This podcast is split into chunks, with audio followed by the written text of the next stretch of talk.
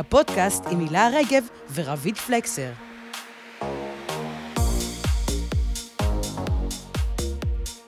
זה משמין. מאז העיסוק שלי באוכל ובעניינים, אני לא מצליחה שלא לטעום ולאכול, וזה משמין. מה גם שאין, אה, בעוד נושא, אין אה, פרטיות. זאת אומרת, אני גרה אה, בקומה ראשונה, ואנשים עוברים ועוצרים וקוראים לי מהמרפסת, וזה לפעמים יכול להיות דבר מאוד מאוד מציק. וגם תגובות רעות, שלפעמים, לאחרונה נתקלתי בתגובות קצת רעות, ש... שזה ישבו עליי, כאילו, זה יושב עליי, זה לא... הרבה תגובות עוברות לידי, אבל חלק פוגע. זו הייתה דניאל עמית, שהיא כנראה בלוגרית האוכל הכי מצליחה כרגע בישראל. היא תחגוג בחודש 31 והיא כבר אימפריה. לעמוד האינסטגרם שלה יש יותר מ-284 אלף עוקבים. יש לה אתר ושיתופי פעולה עם חברות מסחריות בסקאלה הגבוהה של המחירים. על פי הערכות, היא מקבלת סביב עשרת אלפים ש"ח לפוסט שעולה אצלה באינסטגרם, ותשלום דומה על סדרת סטוריז שמסקרת ביקור במסעדה או מוצר חדש.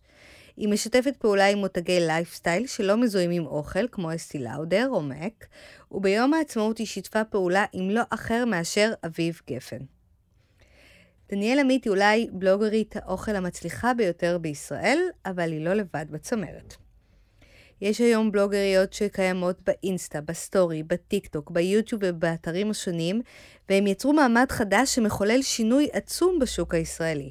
הסצנה הזו מגלגלת בתוכה הרבה כסף, מושתתת על עבודה קשה, ניהול קהילה, ומאפשרת למעמד חדש של משפיעניות להתפרנס מערבוב, קיצוץ, בחישה והקפצה. איך הן עושות את זה? למה זה קורה עכשיו? ברוכות הבאות ל"מה את אומרת?" ומי ידע בכלל שהכל התחיל מפסטה בסיר אחד? עם דניאל. כן. את מכירה את המתכון הזה? לא, תספרי לי. שמעת על זה? זה סנסציה. היא ככה צמחה, היא בעצם עשתה מתכון של פסטה בסיר אחד.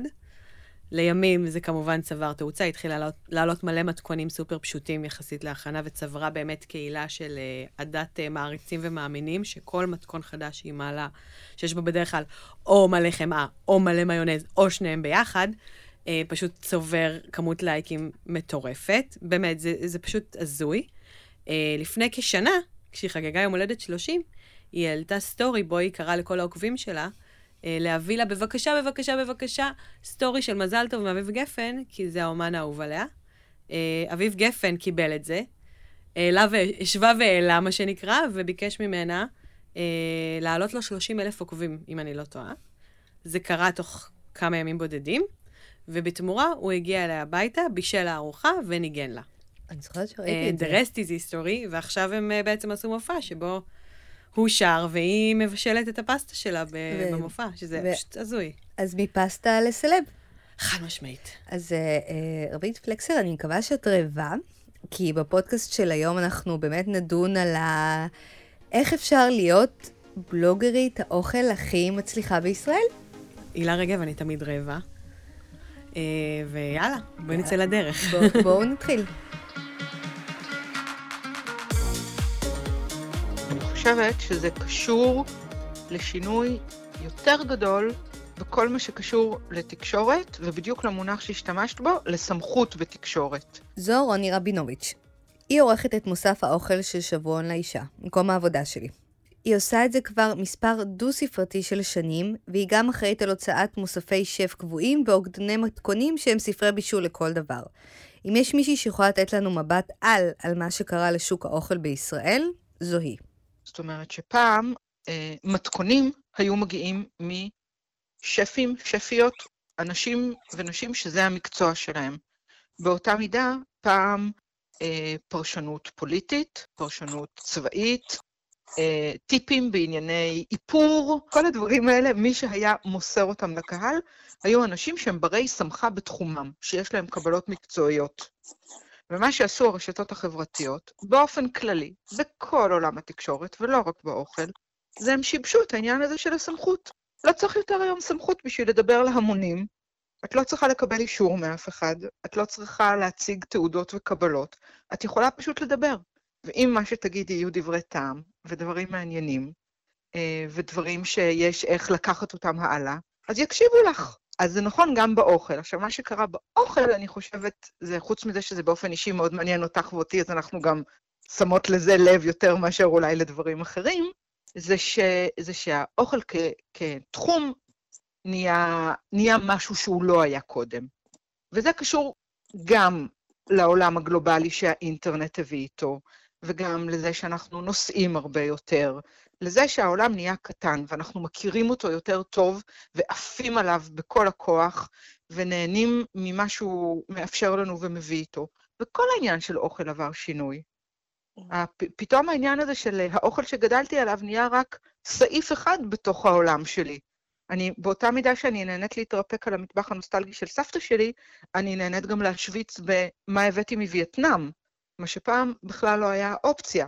ואני נהנית אה, ללמוד איך עושים זילופי ג'לי עם אני לא יודעת מה בצורת דגים.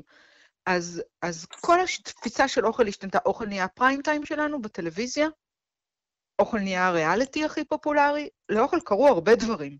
שני הדברים האלה קרו במקביל. אה, לא צריך להיות יותר ברת סמכה אה, רשמית בשביל לאסוף קהל. אוכל זה הדבר הכי מעניין. אוכל זה מדיום סופר ויזואלי, שממש דורש את זה. מה קרה? מה יצא? מנה עיקרית. כאילו, זה פשוט, זה פשוט באמת השתלט על הכל.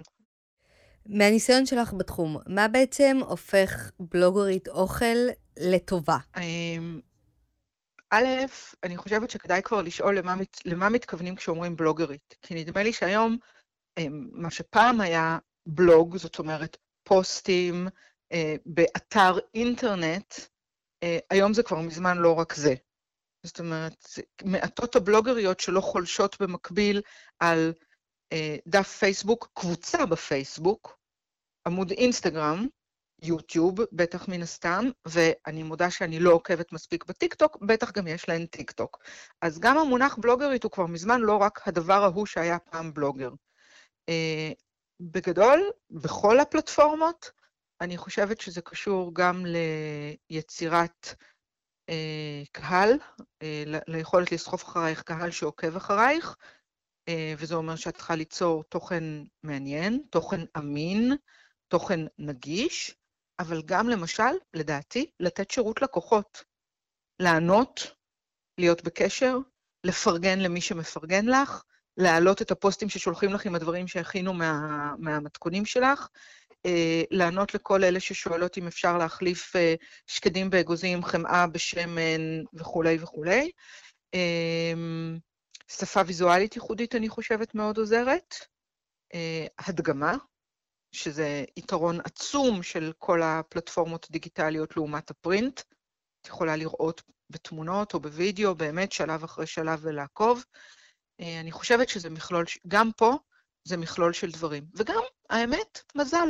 אני חושבת שבכל הדברים האלה תמיד יש גם איזשהו אלמנט של מזל. אבל זה בטוח עבודה קשה. עבודה קשה ולהיות חרוצה ולהיות קשובה ולהיות מסורה. זה... זה... אני חושבת שהפנטזיה הזאת של נו, אז אני אהיה בלוגרית, היא, היא פנטזיה לא ריאלית. זאת עבודה מאוד קשה ומאוד מקצועית. אוקיי, okay. אז פנטזיות לחוד. בלוגרית של אוכל זה המון המון עבודה. לנהל קהילה זה המון המון עבודה. אבל אם אפשר להרוויח מזה כסף, כלומר, איך אני הופכת להיות בלוגרית שמפרסמים ירצו לשלם עבור חשיפה בנכסים הדיגיטליים שלי, ירצו לשתף איתי פעולה, לפתח איתי מוצרים, איך הופכים מבשלנית מומחית למשפיענית? ענבל דרור קליין היא מנהלת המדיה החברתית של חברת שסטוביץ', אחת מחברות היבוא והייצור הגדולות בישראל. אם תלכו לסופר ותעיפו ככה מבט על המדפים, הרוב שייך אליהם. אה, ענבל היא הייתה עיתונאית ועורכת אתרי אוכל. היא מכירה את כולם. היום היא זו שבוחרת את, המש... את המשפיענים שאיתם החברה שלה רוצה לשתף פעולה. או בקיצור, היא מחליטה מי יוכל להתפרנס מהתחביב הזה, ומי סתם ימשיך לעלות סטורי. אם את רוצה, אם את רוצה את הסוד לאיך להיות אה, בלוג, בלוגרית אוכל מצליחה, הסוד הוא פשוט ועממי. Okay. שילוב אוקיי. של פשוט ועממי. ואני אגיד לך יותר מזה, אני כבר 20 שנה, וואי וואי, מביך. כן, אני 22, 20, כן, 20 שנה מתעסקת באוכל, בסדר? הייתי עיתונאית, הייתי עורכת, אה, זה. ערכתי, לפני 20 שנה כבר ערכתי את, את, את אתר האוכל של על השולחן, ואת אה, אתר האוכל של אוסם, בישולים. ואם יש משהו גורף שאני יכולה להגיד לך לגבי מה אנשים מחפשים באינטרנט, זה פשוט ועממי. תמיד, המתכונים הכי פופולריים יהיו דג בסגנון מרוקאי, מרק העוף של אימא, שניצל הכי טוב שיש, תפוחי אדמה בתנור, וגם היום כשאת מסתכלת על כל מיני פטנטים באינסטגרם וטרנדים וכאלה, זה תמיד הולך על הדבר הזה של פשוט ועממי. זה דברים שכמעט יש בכל בית. אפילו, את זוכרת עכשיו את הסיפור הזה של הטורטיות המקופלות? נכון, את זה? כן, בטח. זה הכי, הכי, הכי פשוט. את רק צריכה שיהיה לך טורטיה, שהיום יש את זה בכל מקום להשיג את זה, ואת יכולה לעשות את זה עם כל מה שיש לך במקרר. Okay. אוקיי. אמ, כל הפטנטים האלה זה הכל כאילו על, על הדבר הזה. אבל תכלס, אפשר להתפרנס מזה? התשובה היא כן, אבל כמו בכל דבר, יש, אני חושבת שיש היום בארץ איפשהו בין חמישה לעשרה בלוגרים של אוכל שמתפרנסים מזה. מתפרנסים מזה, אני מתכוונת, לא צריכים לעבוד בעבודה אחרת בשביל זה. כאילו. זה בסוף אלה סכומים, ובמתפרנסים, אני אומרת שלדעתי יש חמישה שמתפרנסים בכבוד, והשאר, את יודעת, עושים את ה... לא יודעת מה, עשרת אלפים שקל בחודש ממש טוב, ולא כל חודש הוא טוב. אבל תכלס, איך את בוחרת עם מי לעבוד? יש לי שני דברים, שלושה דברים מאוד פשוטים, כאילו עקרוניים. אחד זה היכרות, אני הרבה מאוד מאוד מאוד שנים בתחום הזה, עבדתי עם אנשים, עם, עשיתי מה שנקרא פעילויות בלוגרים, עוד לפני שהיה אינסטגרם, עוד לפני שהיה פייסבוק. אז אני מכירה אנשים, ומכירה את הבלוגים שלהם ועוקבת אחריהם באמת 15-20 שנה. אמ, אני עובדת עם תוכנות שמראות לי מספרים. אני עובדת עם, אני יודעת בדיוק כמה חשיפות יש לכל אחד באינסטגרם, אה, אם אני עושה עם מישהו פעילות, אני יודעת בדיוק כמה צפיות סטורי יש לו, אני אה, עובדת עם מספרים ועם ROIs ועם KPIs ועם כל הדברים האלה. אה, והיום אנחנו גם עושים פעילויות שמשלבות מכירה וכל מיני קופונים וכל מיני כאלה, אז אני יודעת בדיוק כל אחד מה הביצועים שלו. זה דבר אחד. דבר שני, אני עובדת עם אנשים שנעים לי וכיף לי לעבוד איתם. יש בכל התחומים האלה, כמו בכל הזה, יש דיבות, יש אה, אנשים שאת פעם אחת עבדת איתם, לעולם לא תחזרי לעבוד איתם. אמ, יש אה, אנשים שלא עומדים בהתחייבויות שלהם. אה, מי שעושה לי כאלה דברים ומבריז לי מפעילות, את יודעת, ששעה לפני שזה, לא יראה, לא יראה ממני שקל יותר. אמ, ואני גם כמובן, כמובן, מתאימה את סוג התוכן ואת הסגנון לפעילות ולמותג. מה הכוונה? עקרונית, הייתי צריכה להגיד לך, אני עובדת עם אנשים שיודעים לעשות תוכן מהמם. אבל זה לא תמיד נכון, וזה לא תמיד מתאים. לפעמים יש לי פעילויות ויש לי מותגים שאני רוצה שזה ייראה חרא. מה הכוונה? אני, כאילו, אני לא רוצה להגיד חרא, אבל לפעמים יותר חשוב לי שזה ייראה אותנטי, עממי, שימושי, מאשר מפונפן. מאשר שהתמונה תיראה מיליון דולר. אותנטיות היא מאוד חשובה, ולפעמים את רואה מישהו שמצלם משהו נורא נורא נורא יפה, ומלא סטייל, ומלא השראה, ו... וזה וזה, ואת מסתכלת זאת אומרת, אין מצב, אני בחיים לא אצליח לבשל ככה, אז אני מעדיפה כבר לוותר על זה וללכת לעשות משהו ש... שגם מראש נראה כמו משהו שהוא דואבל עבורי. אוקיי, okay, זוכרים את השנה האחרונה? קורונה? נחשו מה היא עשתה לתחום של בלוגריות ובלוגרי האוכל בישראל. הקפיצה אותם בטירוף. קרו כל מיני דברים בקורונה. אה, אחד הדברים הממש מגניבים שקרו, זה שכולם נהיו בלוגרים של אוכל. כי מה קרה? הרי באינסטגרם אה, היו, ועדיין יש, מלא מלא, אה, אני אומרת שם קוד, בחורות יפות בביקיני. ובחורות יפות בביקיני נתקעו בבית שנה שלמה, ולא, אף אחד לא שלח אותם לסיישל או למלדיבים, והם לא היה להם איפה להסתובב בבגדי ים ולהצטלם. אז הגרועות, נקרא לזה, אלה שהם באמת פרצוף יפה וביקיני, ירדו נורא, ולא היה להם מה לעשות, מקסימום היו עושות סיבובי סטיילינג בתוך הארון שלהם, או, או מראות איך הם מוציאות שחורים מול המראה. הטובות הצליחו לייצר תוכן מעניין, והפכו את החיים שלהם למעניינים, וחלק מזה הפך להיות בישול. ופתאום את רואה בחורות שקודם כל מה שהן היו מפרסמות זה באמת אה, טיולים שלהם בכל העולם בזה, אז הם פתאום התחילו לבשל ו- ולהכניס אנשים לתוך החיים שלהם, ובעיניי זה היה מאוד מאוד מגניב. וככה כאילו את ראית, ש... את ראית מי היא באמת מה שנקרא יצרנית תוכן ומי היא באמת סתם פלקט. אמ, אז זה מצד אחד קרה. מצד שני, בגלל שכולם התחילו לבשל הרבה הרבה יותר ו- ולצאת פחות ולהתרכז בבית, אז אה, הלכנו וחיפשנו יותר אנשים לשאוב מהם השראה. ופתאום נהיו מלא לייבים של בישול. גם כל השפים הכי גדולים בעולם, אה, מסימו בוטורו, בוטו, בוטרו, שהוא אחד השפים באמת המפורסמים ביותר בעולם, היה עושה כל יום לייב מהמטבח בבית שלו במודנה, ש, שבו הוא מראה איך הוא מבשל כל מיני דברים ביתיים ופשוטים.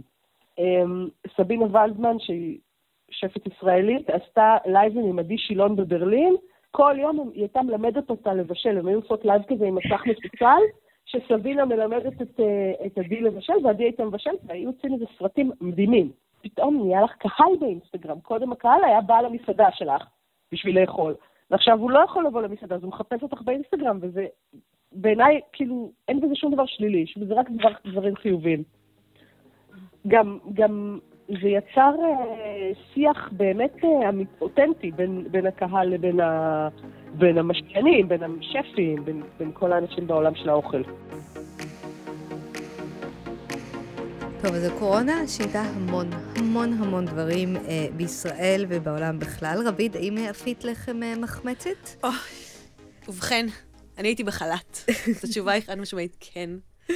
אני הדפחתי, עפיתי חלות, ואפילו ירדתי לתת הרמה של דפי אורז, שזה באמת אסון, אסון אקולוגי. לדפי אורז לא הידרדרתי. כן עפיתי חלה, היה איזה שלב של חלה. אז באמת, אבל כולנו היינו בבית, לרובנו זה עשה רע, אבל מה שהקורונה עשתה לבלוגריות ובלוגרי האוכל בישראל, זה פשוט חילקה מתנות. מכירה את השיר מתנות קטנות? חד משמעית, שיר קסום. אז אפילו לא מתנות קטנות, כאילו, התחום של המזון ב social קפץ באחוז. את יודעת מה, תני לנו קצת מספרים, מה שקרה שם. אז דיברנו עם אה, טיקטוק ישראל, והם סיפרו לנו שמה שנקרא מאסטר שף עם home made, הייתה צמיחה של 55 אחוזים בתקופה שבין ינואר לנובמבר 2020, אה, שסרטוני בישול, למשל, היו התוכן המוביל בשנת 2020, כמה לא מפתיע, ושמתכוני 15 שניות הפכו ללהיט, גם מתכונים קצרים וקלים, וגם אפילו שפים מקצועיים ששיתפו את קהל העוקבים שלהם ברזי המקצוע. זאת אומרת שהייתה פה ממש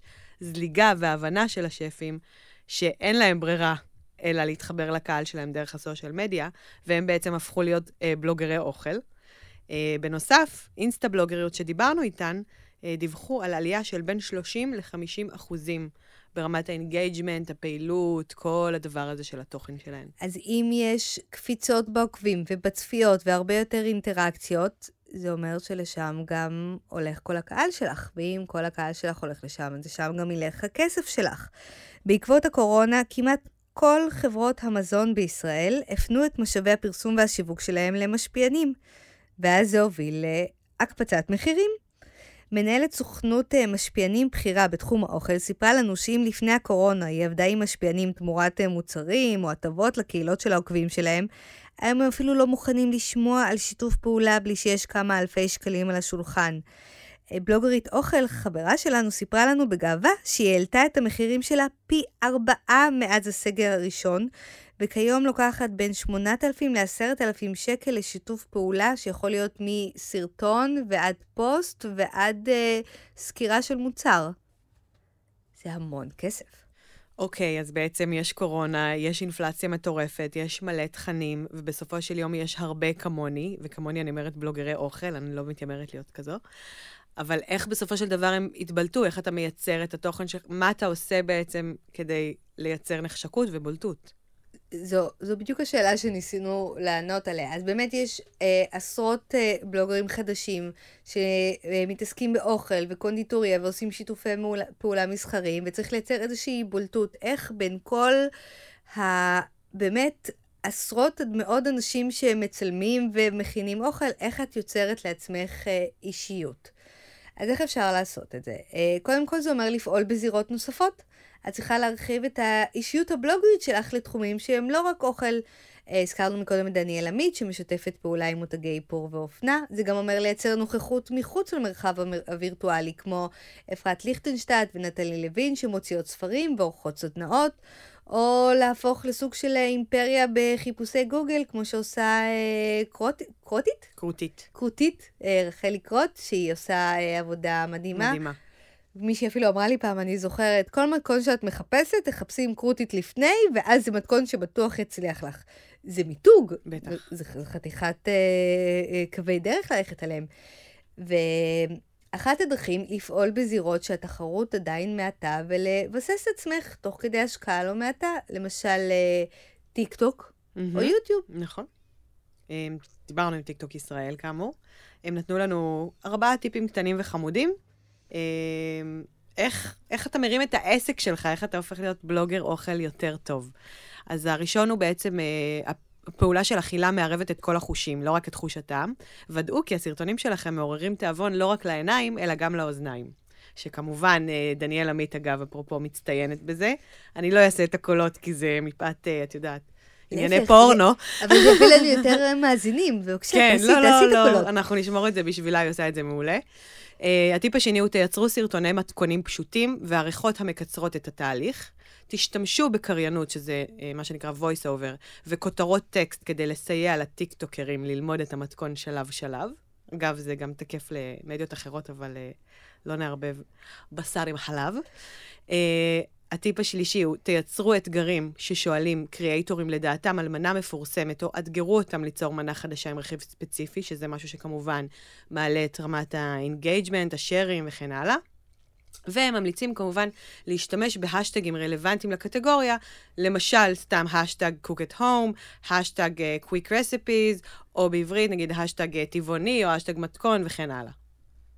אה, אני רוצה להציע פה עוד זירה, חוץ מטיקטוק, שהיא גם נתפסת טיפה יותר צעירה, לזירה שהבלוגרים הישראלים לא מנצלים עדיין מספיק טוב, ודווקא שם יש אפשרות לייצר איזושהי בולטות, שזה היוטיוב. תשמעו, יוטיוב דורש כאילו, דורש השקעה.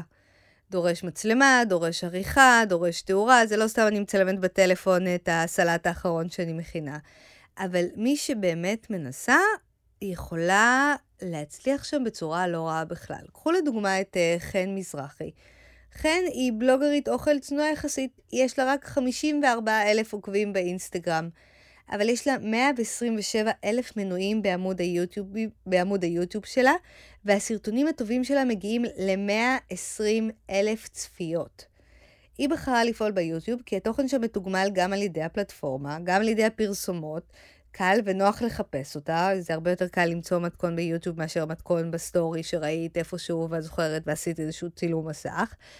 אה, וגם זה דורש הרבה מאוד זמן, שזה מוריד את כמות המתחרים בזירה שלך. אז חן במטבח, כמה, כמה שעות בשבוע את מקדישה לעמוד היוטיוב שלך? זה ממש, זה, זה, יום, זה יום עבודה. כל יום. זה כל יום יום עבודה. עכשיו, אני, בגלל שאני אמ, אה, יוטיוברית, זה, זה עבודה של שני אנשים, זה אני ובעלי. בעלי מצלם אותי, אמ, ואנחנו עושים את הסרט, הוא, הוא בעצם מצלם והוא עושה את כל העריכה. אמ, אז, זה, אז כמו שאני אומרת, זה צילום, זה עריכה, זה מחשבה על מתכונים, אה, זה עבודה על מתכונים. אני צריכה לעבוד על המתכונים, לראות שמתכונים באמת יוצאים טוב. אה, זה לתחזק את כל הרשתות החברתיות, שזה יוטיוב ופייסבוק, אה, קשר עם הקהילה. אה, זה, זה הרבה הרבה הרבה עבודה. אני באמת עובדת, אני עובדת מהבוקר אה, עד הצהריים, עד שהילדים מגיעים, ולפעמים גם בערב, ובחופשים, בחגים, אני, זה, כל הזמן שם, אני תמיד עובדת, אני כל הזמן אומרת לעצמי, אני אקח קצת חופש וזה, אבל זה לא, זה, זה אף פעם לא, לא, לא ממש עובד. אני לא יוצאת באמת לחופש, כי אני כל הזמן עונה לאנשים. אז אני, אני עכשיו הגעתי למקום ש... אה, וואלה, יש מצב שעוד שנייה אני אצטרך להשיק מישהו כדי שיענה לכל האנשים, כי זה באמת, אם אני אצטרך לענות כל היום לאנשים, אני, זה מה שאני אעשה כל היום. אני לא, אני לא אפתח מתכונים חדשים ולא אעשה שום דבר אחר, אני רק אענה לאנשים. אה, כי זה כמות מטורפת של הודעות, זה כמות מטורפת. לסיכום, אפשר להתפרנס היום מלהיות בלוגרית, יוטיוברית של אוכל בישראל? בהתחלה כמובן שהיו לי חששות ודאגות, ואמרתי לעצמי איך אני אתפרנס מזה, איך זה, אבל אה, הלכתי, הלכתי עם התחושת בטן שלי, וכן, אפשר להתפרנס, מתפרס... מתפרנסים מהפרסומות שיש אה, ביוטיוב, והיוטיוב זה מקור פרנסה חשוב וגדול בשבילי, יחסית נגיד לבלוגרים אחרים. אה, אז פה נגיד יש לי יתרון, והיתרון הזה אני לוקחת בזה שאני בעצם עושה פחות אה, שיתופי פעולה עם חברות אה, מסחריות, שזה בעצם עוד מקור פרנסה. וואו, רבית, בא לי איזה פסטה מקורמלת, בא לי איזה... לאפה שווארמה, אלוהים. עלה של אורז עם לחם מחמצת, עם גלידה תוצרת בית, עם מאצ'ה. הטפחה, הטפחה, הטפחה. טוב, אני, אני למדתי רבות על, על מאחורי הקלעים של אה, בלוגריות האוכל ובלוגרים. יש הרבה מאוד בלוגרים שפשוט לא התייחסנו אליהם, כי זה נכון. עדיין מקצוע אה, בשליטה דומיננטית מאוד אה, של נשים. נכון. אבל מה שלמדנו בעצם זה שהעולם אה, של האוכל משתנה מאוד מהר בגלל המון סיבות אה, סוציולוגיות וכלכליות וחיצוניות. הקורונה האיצה פה תהליכים. אפשר להיות בלוגרית האוכל הכי טובה בישראל, אבל זה דורש המון המון המון עבודה. אה, זה דורש לנהל קהילה, זה דורש לעשות אה, ניהול אה, לקוחות ושימור לקוחות ומענה ללקוחות, לפתח מתכונים, ליצור קשר עם החברות המסחריות הנכונות, לשמור על הקול האותנטי שלך אה, במהלך כל זה, ואם, אם, אם את מצליחה להופיע עם אביב גפן אה, אה, ביום העצמאות, אז כנראה, כנראה שעשית את זה. תשמעי, אין מתנות חינם. כלומר, יש מתנות חינם, באיזשהו שלב הן מגיעות חינם, וגם את מקבלת על זה כסף. כן, אה, היה לי כיף, הילה רגב, תודה רבה. היה לי כיף מאוד, אה, רבית פלקסר. היה לי אה, טעים ונעים, ותודה רבה גם לשלי ברון, שהיא אלוהי הסאונד. נכון, בתוכנית הזו עזרו לנו רבים ורבות. אני רוצה להודות במיוחד לרוני רבינוביץ', לענבל דרור קליין ולחן מזרחי, הלוא היא חן במטבח, ועוד להמון המון אנשים שנתנו לנו מידע וטיפים וחשפו מספרים. אה, תודה. ותודה גם לדניאל עמית. נכון, תודה לדניאל, ונתראה בפרק הבא של מה את אומרת. בואי נלך לאכול.